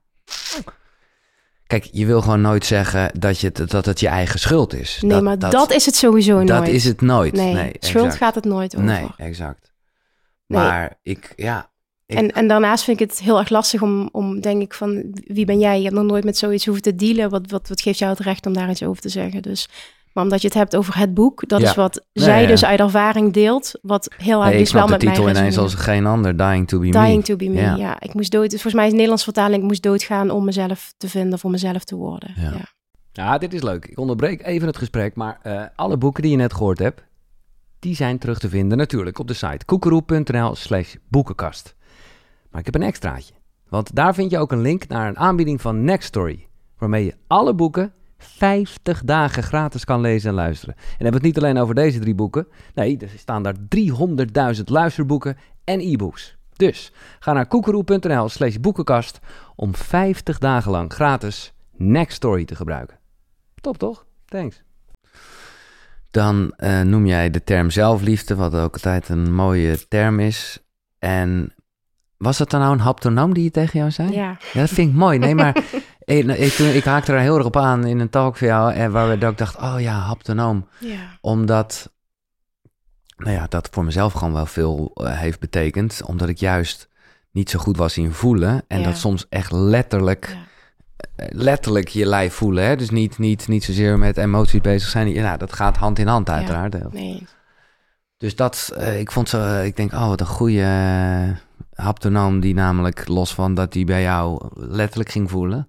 Of eh, wat doen ze? Eh, gewoon een beetje. eh, Ja, nou ja, dat waar jij denk ik over hebt, dat was een gesprek voordat we daar überhaupt aan toe kwamen. Ik, ik, ik heb met die haptonoom heb ik enkel middels ehm, gespreksvorm, ja. Oh, Ja, ik ben wel bewust naar haar toe gegaan omdat ik iets anders wilde dan psycholoog. Ik had heel veel psychologen gehad in mijn leven en ik merkte dat ik best wel goed was ook in het omzeilen waar het Mhm. dan om gaat en Ja. lekker lullen. Ja, de juiste antwoorden geven, omdat Ja, ik zoveel ja, aan ontwikkeling had gedaan. Dus Ja. we kwamen niet tot de kern en zij kwam echt tot de kern. Want zij zei eh, dat jij, en dit is ook zeer herkenbaar, dat zelfliefde bij jou alleen maar er was naar aanleiding van je prestaties en hoe je eruit ziet. Zij zegt letterlijk, weet je wat jouw probleem is? Jij koppelt jouw eigenwaarde en jouw zelfliefde en jouw ware gevoel van succes aan wat je presteert in het leven en hoe je eruit ziet. En die kwam zo hard binnen. Ik denk, oh ja, dat is precies wat ik doe. Maar ik ken niet, al- ik kan niet, ik, ik ken niks anders. Nee. Dit is hoe ik mijn hele leven ben geweest. En daar hang ik alles aan op. En op het moment, en dat zie je ook heel vaak. Ik zag laatst een documentaire over een topsportster, een tennister. Je hele identiteit valt weg op het moment dat je dat verliest. Zij, nou ja, de carrière hield op, dus hij was haar hele identiteit kwijt. En dat, ik herkende dat zo enorm. Ik denk dat zoveel mensen daarmee worstelen. Dat denk ik ook. En ik denk ook dat, om het even wat breder te trekken, dat eh, ook gewoon zo het gevaar is van iets als bijvoorbeeld een eh, social media-achtig Ja. iets. Omdat dat is letterlijk hoe je eruit ziet en, en datgene wat je presteert. en op basis daarvan denk ik dat mensen oprecht, of ja, oprecht, ja, ergens wel gelukkig kunnen worden als dat lekker en goed Ja. in de flow zit. Ja, Maar het is zo glad ijs, want dat is, is natuurlijk niet wie je bent. Of althans, ja. en dat is dan weer een uitspraak van Gary Vee, waar je het misschien niet van verwacht. Maar hij zegt, hij zit ook heel veel in, in, in ehm, nou ja, niet zegt, hij, hij wil niet eh, prediken van hoe zou je een kinderen moeten opvoeden. Maar hij zegt wel, wat wij als ouders fout doen, is dat wij ehm, continu bekrachtigen. En dan bijvoorbeeld iemand die heel knap is, een kindje wat heel knap is, continu wordt gezegd, oh ja, oh wat ben je mooi. En continu wordt dat gevoed. Die eigenwaarde wordt gevoed op basis van hoe een kind eruit ziet. En wat wij als ouders veel beter kunnen doen, en die heb ik opgeslagen, is een kind bekrachtigen om wie die is. En dat hij lief is, in plaats van dat hij een voetbalwedstrijd wint. Of dat, hij er, ah, dat, het, dat het meisje er prachtig uitziet, of die jongen. En Wegblijven van de prestaties. wegblijven van. ja, En, ja, en niet zozeer dat dat er niet mag zijn, maar dat dat niet alles is waar het, over, waar het om gaat. Dat, ik, ik, ja, ik kan daar wat mee zelf, als Mm. moeder nu. Ja, ja, ja, ja, ja. Oh, hij is zo slim. Oh, wat is hij toch atletisch. Oh, wat heeft hij al een goede woordenschat. Het is vanuit De liefde bedoeld, maar, Exact. eh, maar het is het, het, het mist een doel en Ja. ja, ja, ja, ja. ja.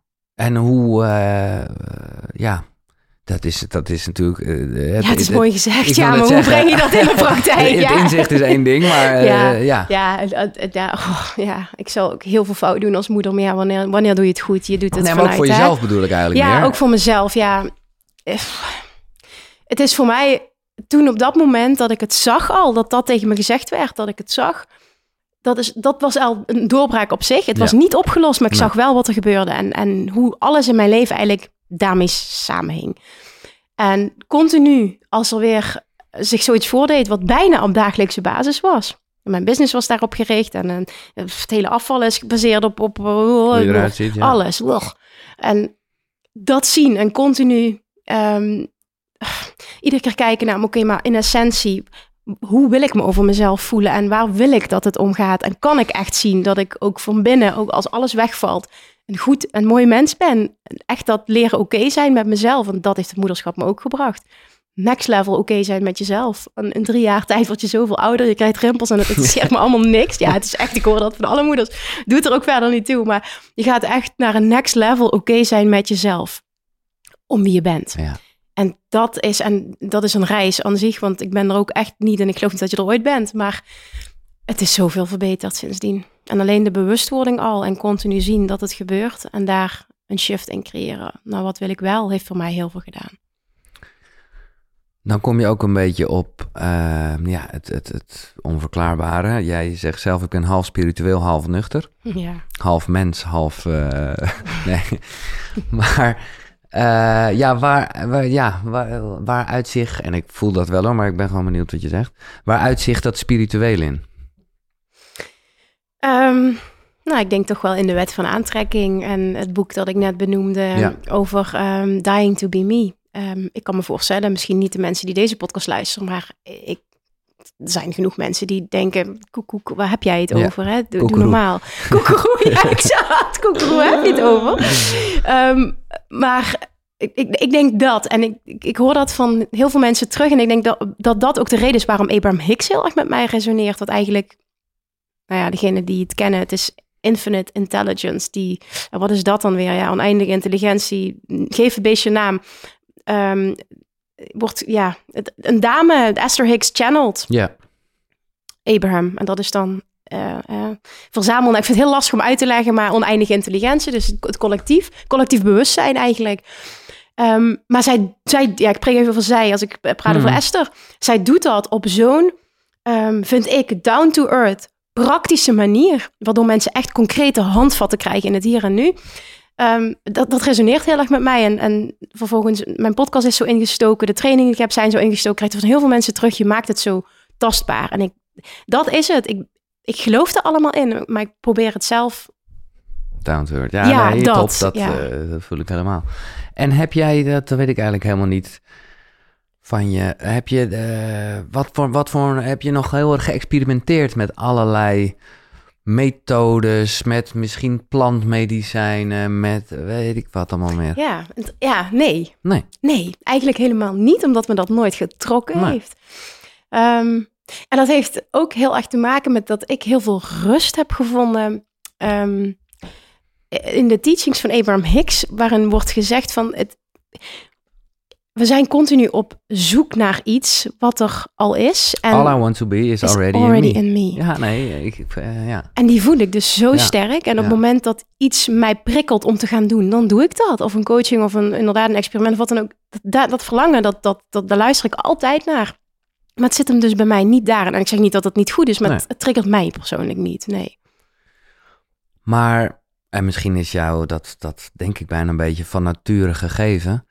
Want kijk, dat all I want to be is already in me, dat is, dat ja, dat moet je wel echt voelen.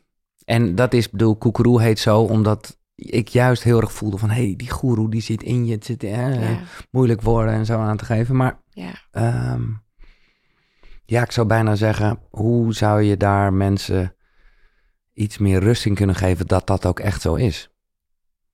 Nou, het is sowieso lekker dat je het zegt hoor. Ik bedoel, dat is het begin, maar... Ja, ehm, ik kan dat nu uit ervaring zeggen. Ik heb twee kindjes nu. En ehm, all I want to be is already in me. Zie je terug in kinderen. Ik geloof er dus echt in dat wij als mensen allemaal ter wereld komen. En ik letterlijk zie het nu dus thuis. ehm, als een bron van onvoorwaardelijke zelfliefde. eh, overvloed. Volledig potentieel. eh, eigenlijk alles wat we willen, waar we naar op zoek zijn in dit leven, de zaakjes op zoek zijn, dat zit er al. En naarmate we ouder worden, raken we het allemaal kwijt. Nou, ik wil net zeggen, jij bent nu wel moeder... eh, hoe oud is je jong, eh, oudste? Eh, twee jaar en ja, vier maanden. ik. Ja, nee, maar ik bedoel te zeggen... Ik denk dat er veel ouders luisteren die zeggen... Nou, wacht maar meisje. Ja, oh ja. Zo dadelijk, Ja. dan is je zoon eh Ja. 13, 14. En dan zie je, nou, tenminste, ergens in de verte zal je altijd die onvoorwaardelijke liefde natuurlijk voelen. Maar ik bedoel, dan komt er ook gedoe en zo natuurlijk. ja, hè? absoluut. Nou, ik ga ook niet zeggen dat er nu geen gedoe Nee, is. Hoor. Het gaat echt niet allemaal Nee, over rozen. Nee, absoluut niet. nee. Nou, maar het zit hem niet zozeer in of er wel of niet gedoe is, maar meer dat ik ehm, in hem kan zien daar, hij al. heeft geen Ja, belemmerende nee, overtuigingen. nee, nee, nee. Allemaal die bullshit, Ja, die heeft hij niet. Hij, hij, be- hij beoordeelt een lichaam niet op basis van dik of dun of knap. Of. Voor hem is een mens een mens. Ja. En dat bedoel ik daarmee te zeggen. En, en daar geloof ik dus heel sterk in. Zo komen wij dus allemaal ter wereld. Dat is all I want to be is already in me. Hij heeft nul belemmeringen en denkt dat hij alles kan. En tuurlijk, maar genuanceerd, maar Nee, het ja. is wel zo. En Maar hoe kan je die meer naar terug? Want ik denk dat we het allemaal eens zijn dat kinderen onder Ja. een zevende dat hebben en Ja. de puurheid. Maar ja, nou, we weten ook allemaal, dan ontstaan er dingetjes die ook nodig zijn om te groeien. En dan, hè? Nou ja, dan kom ik toch weer terug bij het stukje bewustzijn. Dat je ja, op het moment dat je als waarheid kan aannemen, ik geloof erin dat dat ook is wie ik in de kern ben, ben je denk ik al, ja, al, Ja, ja. al over de helft. En dan vervolgens gaan zien, oké, en wat zijn onderdelen in mijn leven waar ik dus, ja, ik praat heel vaak in, ik vertel mezelf een verhaal dat, dat me niet dient. Waar heb ik dus, op, op wat voor gebied, hè, bijvoorbeeld op het gebied van zelfliefde, op het gebied van relaties, op het gebied van geld, werk, Ehm, eh, ja, noem maar op, welke gebieden er allemaal zijn in je leven. Op welk gebied struggle ik? En heel vaak op het moment dat je struggelt, zit daar dus een verhaal dat je niet dient. En ik ben dat gaan onderzoeken. Ik had dat dus heel erg op, op geldgebied. Ehm, ik had het heel erg op relatievlak. En dat zat hem dus dieper van binnen, zat hem dat op zelfliefde. En ik ben toen echt gaan onderzoeken. En ik had heel erg eet, ja, eetstoornis, Mhm. ook dat. Eh, gaan zoeken naar, oké, wat, is, wat ligt hier aan ten grondslag? Ja. Wat is dus blijkbaar mijn verhaal en waar komt dat vandaan? En toen kwam ik tot de ontdekking dat heel veel, allemaal vanuit liefde gegeven, maar heel veel kwam vanuit overtuiging die ik had overgenomen van een ander, heel vaak mijn ouders. Een van mijn ouders, of beide ouders. En dat zie je terug en dat komt ook heel erg terug in dat boek van T.R.F. Ecker. Ja, Eh, de overtuigingen van je ouders zie je heel vaak dat de verhalen die jij nu hebt, dat dat of een van je ouders of allebei, of compleet het tegenovergestelde, eh, waardoor je een rebel bent geworden, is ook heel interessant. zeker. Nou, een antireactie. Ja, precies. Ja, ja. En dat zien en vervolgens dus echt zien ah, wat er gebeurt, bewustzijn. Vervolgens, oké, dit is niet van mij. Dit is een verhaal dat ik heb overgenomen van een ander. Ja. Ik, ik kan iets nieuws creëren. En dan, ja, het zijn vier stappen. Eén is bewustzijn. Twee is begrijpen waar het vandaan komt. Drie, lossnijden. Dus een, je kan het zien als daar staat mijn moeder, daar sta ik. Een touw tussen ons in. Ik kies ervoor om dat door te snijden. En de uiteinden van die touwen, één valt terug naar mijn moeder, eentje naar mij. Ik laat niet de band los of ik snij niet de band los, maar ik sla enkel los wat mij niet meer dient. Dat laat ik bij haar. En dan is het vier, het herprogrammeren van je brein. Nieuwe kabeltjes. Nieuwe eh, kabeltjes, ja. En dat is echt continu, wat wil ik wel, wat wil ik wel. En eh, dit is geen eh, proces wat, hè, je voelt van, oh, tot een treuren moet ik dat opnieuw doen. Maar het is ook niet iets wat je binnen een week fixt. Want als het, vaak zit iets zo diep dat het heel veel tijd kost om... Nou, ik vind het echt te tof dat dit dan nog ter sprake komt. Want ik, ik, dat, is, dat is gewoon een beetje zo ontstaan. We hebben het verder niet super over de wet van aantrekking gehad. Ook omdat daar al en veel in Koekroe over gesproken is en zo. Maar ik vind dit wel een essentieel iets, omdat je, nou ja, misschien wel zou kunnen zeggen dat op het moment dat je echt de behoefte voelt om iets te manifesteren, dat daar autom nou ja, dat in de basis eh, moet je even goed naar jezelf eh, naar binnen gaan wat daarachter zit. Hè? Want daar, Ja. het is vaak zo'n verhaal waardoor je iets, oh, ik, ik, ik, wil meer, ik wil meer dit of minder dit. Wat echt lekker is. Maar op het moment dat je dan niet, zoals jij net even die, die stappen eh, noemt, als je daar niet oké mee bent, dan, ja, dan blijf je eigenlijk het verhaal voeden met me. en wat bedoel je als je daar niet oké mee bent? Nou, op het moment dat je dus manifesteert vanuit een soort beperking van ik wil gewoon dat het anders is. Ja, oké. Nee, dat is absoluut waar. Ja, dat is absoluut waar. Maar dan komen we weer terug bij, doe ik dit vanuit liefde of vanuit angst? Hè? Ja, Vanuit tekort of vanuit overvloed? Exact. Ik denk dat die vraag overal aan ten grondslag moet liggen. Ja. Is er nog iets anders over de wet van aantrekking waarvan je denkt, nou ja, als ik daar toch nog even, want eh, ja, dat is toch, het is, nou ja, het, eh, veel mensen hebben het erover. Wat is, wat is een van de misconcepties over the law of attraction? Dat er geen actie, eh, Nee, dat er geen actie voor nodig is. Ik denk dat dat de, de grootste misvatting is. Alleen eh, voor mij is het grootste verschil waar ik eerder altijd actie ondernam vanuit motivatie. Zit de actie meestal, want ook dat is echt niet altijd, ehm, gaat het altijd goed. Op het moment dat ik weer te druk ben, dan zit ik Mhm. weer in die motivatie. Maar een verschil tussen gemotiveerde angst, of ge- gemotiveerde angst, gemotiveerde inspiratie en eh, gemotiveerde actie, sorry, en Ja. geïnspireerde actie. En Abraham Hicks teacht heel erg is onderdeel van manifesteren, inspired action. En dat is iets wat ehm, veel productiever is. En wat je altijd een stap verder brengt. En waar gemotiveerde actie vaak ook gepaard gaat met zwaar en ergens aan trekken. Ja. Wil het niet zeggen dat inspired action betekent alles gaat maar vlekkeloos. Alleen je voelt zo dat je op het juiste pad zit, dat je dit moet doen. Dat is weer in plaats van hoofd het Ja, hart. dat. Ja, ja. Dat, dat is een heel groot eh, ding, vind ik, van de wet van aantrekking. En wat eh, wil jij vanuit je hart, eh, hoop ik dan? wat, wat, wat, wat wil je nog? Wat, wat heb je, hoe, ja, je, je, dat vond ik, vind ik fijn, dat je gewoon nog steeds onbegrensd ambitieus bent. Ehm, een boek dus? Ja, ja dat is eh, denk ik het grote. Dat zit er al jaren en dan zat ook heel erg een verhaal op. Ik eh, hou niet van schrijven, kan niet schrijven, dus eh, gaat hem niet worden voor mij nu. Toen kwam er het idee van een ghostwriter. Toen denk ik, ja, het trekt wel, maar ook weer niet. Want ik wil uiteindelijk dat het ook een product voor mij is. Zeker op het moment dat het een boek is. Mhm. En nu heb ik zoiets. Op het moment dat ik ruimte creëer in mijn leven, vertrouw ik erop dat dat. ehm, ik ga een schrijfcoach in de arm nemen en ik ga dat gewoon doen. En ik geef mezelf daar de ruimte voor. Dus dat is een ding. En, en eh, ik ben gewoon nieuwsgierig hoor. Ik bedoel, is er al, natuurlijk is er al wel een zaadje aan het planten. eh, maar ik bedoel, heb je al een werktitel? Heb je al... Ah, nog niet. Er komen wel dingen voorbij, maar ik heb nog niets genoteerd. Nee. Maar ik ben er wel mee bezig. Ja. Oké. Ja, ik wil vooral daarin, ehm, ik wil mijn reis gaan delen en dan ehm, teachings along the way. Maar uiteindelijk doe ik dat in mijn podcast. Alleen het wordt gestructureerd. Ja. Ik, ja, dat wil ik vooral. Dat het gestructureerd wordt, dat het lekker leesbaar wordt. Dat het eigenlijk, ja, eh, zwaardere materie. Weer behapbaar. Ja, nee, dat. tuurlijk, maar dat is, ik hou, Ja. ik, ja. Je kan Ja. ook gewoon dit gesprek uitschrijven. Ja, ja, dat zou ook kunnen. Misschien is er wel een ghostwriter die zich eh, aangesproken Nee. voelt.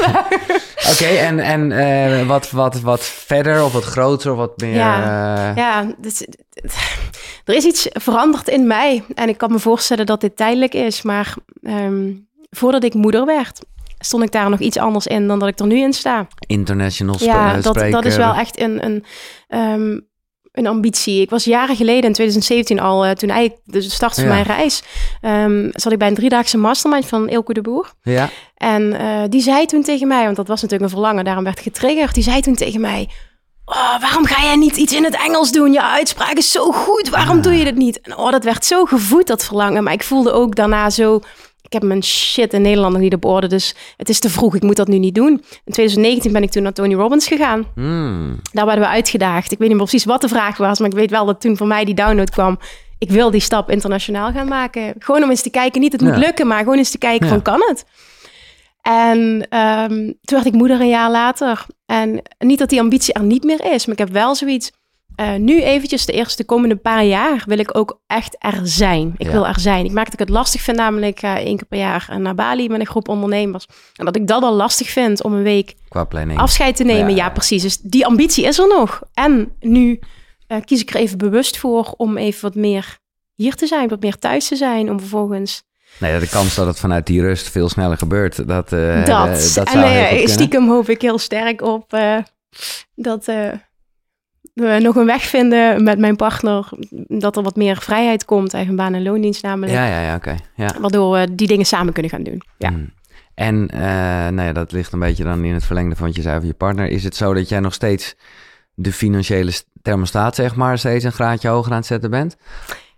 Of... ja. Ja, nee, maar dat is... Ja. En dat heeft niets met het geld te maken, Nee, maar- puur met dat ik heel erg gedreven word door mezelf uitdagen. Ja, dat vooral. En Ja. het zit hem op impact maken, meer mensen kunnen helpen met als automatisch gevolg eh, dat. Ja. Met als gevaar Misschien dat het nooit goed begonnen, maar... ja, Ja. maar dat het niet, niet goed genoeg is. Maar ik denk door alles wat ik heb meegemaakt en ook heel erg nu door het moederschap, dat dat. Wil je nog meer kinderen? Nee.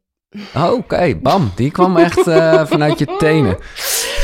Op dit moment niet. Nee, Op dit moment niet. nee. Nee. En niet omdat ik niet blij Nee, ben met nee, dat is het niet, goed, maar meer. echt niet, Nee, nee, nee. Het, voelt gewoon, duidelijk. voor mij voelt het heel erg als compleet. Nee, Ja, nee. dat is toch dom. Ik schrok een beetje. Heerlijk. Ehm, en, en hoe, eh, nou, ook een beetje met het half nuchter, half spiritueel, hoe kijk je aan tegen de dood? Ja, Recent, ik ga het gewoon erin gooien in het geval je het zelf vergeten was, maar ik zeg dit voor de luisteraar. Recent is jouw oma overleden, mhm, dus dan is de dood misschien toch wel iets meer top of mind. klopt. Ehm, en ik vind dat iedere keer heel erg moeilijk als zoiets gebeurt. Ik ben twee jaar geleden mijn andere oma over eh, verloren en daar had ik een hele, hele, hele, hele goede band mee. Ehm, toen ik in Bali was, toen ik op Bali was, toen ehm, heb ik daar gesproken met een man. Dat heeft heel veel indruk gemaakt. En die zei toen, wij hier op Bali geloven erin dat op het moment dat iemand de fysieke realiteit verlaat, hè, het hier en nu verlaat, dat hij terechtkomt op een plek waar het veel fijner is en waar alleen maar liefde en overvloed is. En hier is de regel dat we niet huilen op begrafenissen, maar dat we het vieren, omdat die persoon op een fijnere plek, vaak op een fijnere plek is. En vervolgens luisterde ik naar Abraham Hicks een tijdje later en daarin werd gezegd, alle weerstand vervalt. Je komt op een plek terecht waar het waar alleen maar licht en liefde. Ja. ja. precies. Dus rouwen is puur jouw gemis dat iemand er fysiek niet meer is. A, ik geloof er niet in dat iemand er daadwerkelijk niet meer is. Dat geeft mij heel veel houvast. Nogmaals, mijn waarheid. En, en, en heb je daar uh, toch uh, tekens van ervaren of voorbeelden met betrekking tot je oma? Ja. Ja, mijn oma die zei altijd dat... Um, uh, mijn opa is een flink aantal jaren daarvoor overleden. En zij zei altijd um, dat hij um, overal bij was, altijd in de vorm van een lieveheersbeestje. En dat was altijd. En um, op momenten dat ik daar behoefte aan heb of daarin iets uitzend, dan is daar altijd een lieveheersbeestje. Dus ja, daar zit wat, wat ik geloof, ja. Maar sorry, ik onderbrak je. Uh, dus uh, uh, ja, je gelooft gewoon sowieso wel dat er nog contact is, maar rouwen is eigenlijk alleen voor nee, jezelf. Nee, absoluut aan het rouwen ja. mag er absoluut nee, zijn, want zeker, ik laat het verdriet er ook altijd zijn en dat is heel belangrijk. Um, maar het heeft mij heel veel rust gegeven dat um, het uiteindelijk gaat om mijn verdriet en niet om het verdriet van de persoon die er niet meer is, want die persoon heeft het fijner. En uiteindelijk, als je echt van iemand houdt, kun je in liefde loslaten. En ja, dat geeft me heel veel rust. En daarnaast, ik heb mijn beide ouders nog en zo dichtbij is ze nog nooit geweest. Dus wie ben ik om daar iets over te delen? Dus ja. Nou ja. En, maar, en wat denk je dat er gebeurt? Wat, wat, wat, wat is dat, uh, die plek die nog leuker is dan hier? Ja, dat is een mooie vraag. Ja, ik heb niet de illusie dat jij nu hier het antwoord gaat nee, geven. I weet. Maar zeker als je die schrijfster van Dying to be Young en ja. haar bijna doodervaring, die ja, zal het daar ook over hebben. Ja, Dying, Dying to, be, to be Me. me. Zij zegt, um, um, ja, zij praat over een heel fel licht. Ja. Over um, brightness en uh, een gevoel van overvloed en liefde. En ze praat vooral over een, een deken van liefde die over je heen gelegd wordt, als het ware. Ik denk dat wij ons niet kunnen voorstellen hoe dat is. Dus dat ik, is, I don't know. Dat is wat het is. Uh, maar goed, wat, dan ben je op die plek, die is mooier. Kim Munnekom, die is er niet meer. Dat is het half nuchtere gedeelte uh, wat ik even aanspreek nu. ja. Uh, of anders, nou ja, goed, zoals je het net schetste met je oma op een andere manier in ieder geval. Hoe wil je herinnerd worden?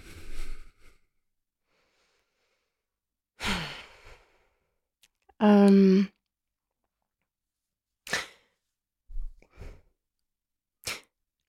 er komt nu iets binnen en ik voel meteen, oeh, ga je dit zeggen? Want het is heel erg ego-driven. Lekker. Um, als iemand die voor een ander de wereld een klein beetje mooier maakte. Maar wat is daar ego aan? Omdat ik echt geloof dat dat in iedereen zelf zit. Ja, tuurlijk. Maar dan het zien als een gids die dat in iemand naar boven haalt. Dat is het vooral. Ik denk dat daar ook die, dat, dat, uh, dat gevoel van het verlangen van het maken van heel veel impact. Het meest fantastische, en ik hoorde jou dat ook zeggen um, in de aflevering van, met Gwen bijvoorbeeld. Ja.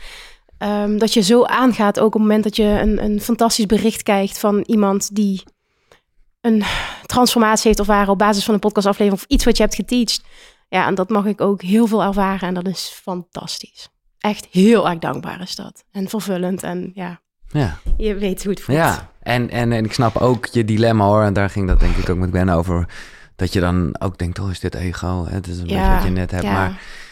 En daar is ook niets mis mee, nee, maar... ja.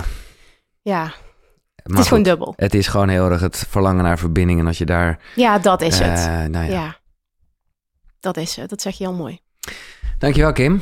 voor een uh, hele inspirerende sessie, wat mij betreft. Ook voor uh, wat ik ga doen. En, en, en nou ja. Ja, ik hoop heel erg, dat meen ik oprecht, Giel, dat jij de keuze maakt daar om jouw lessen te gaan delen. En ja.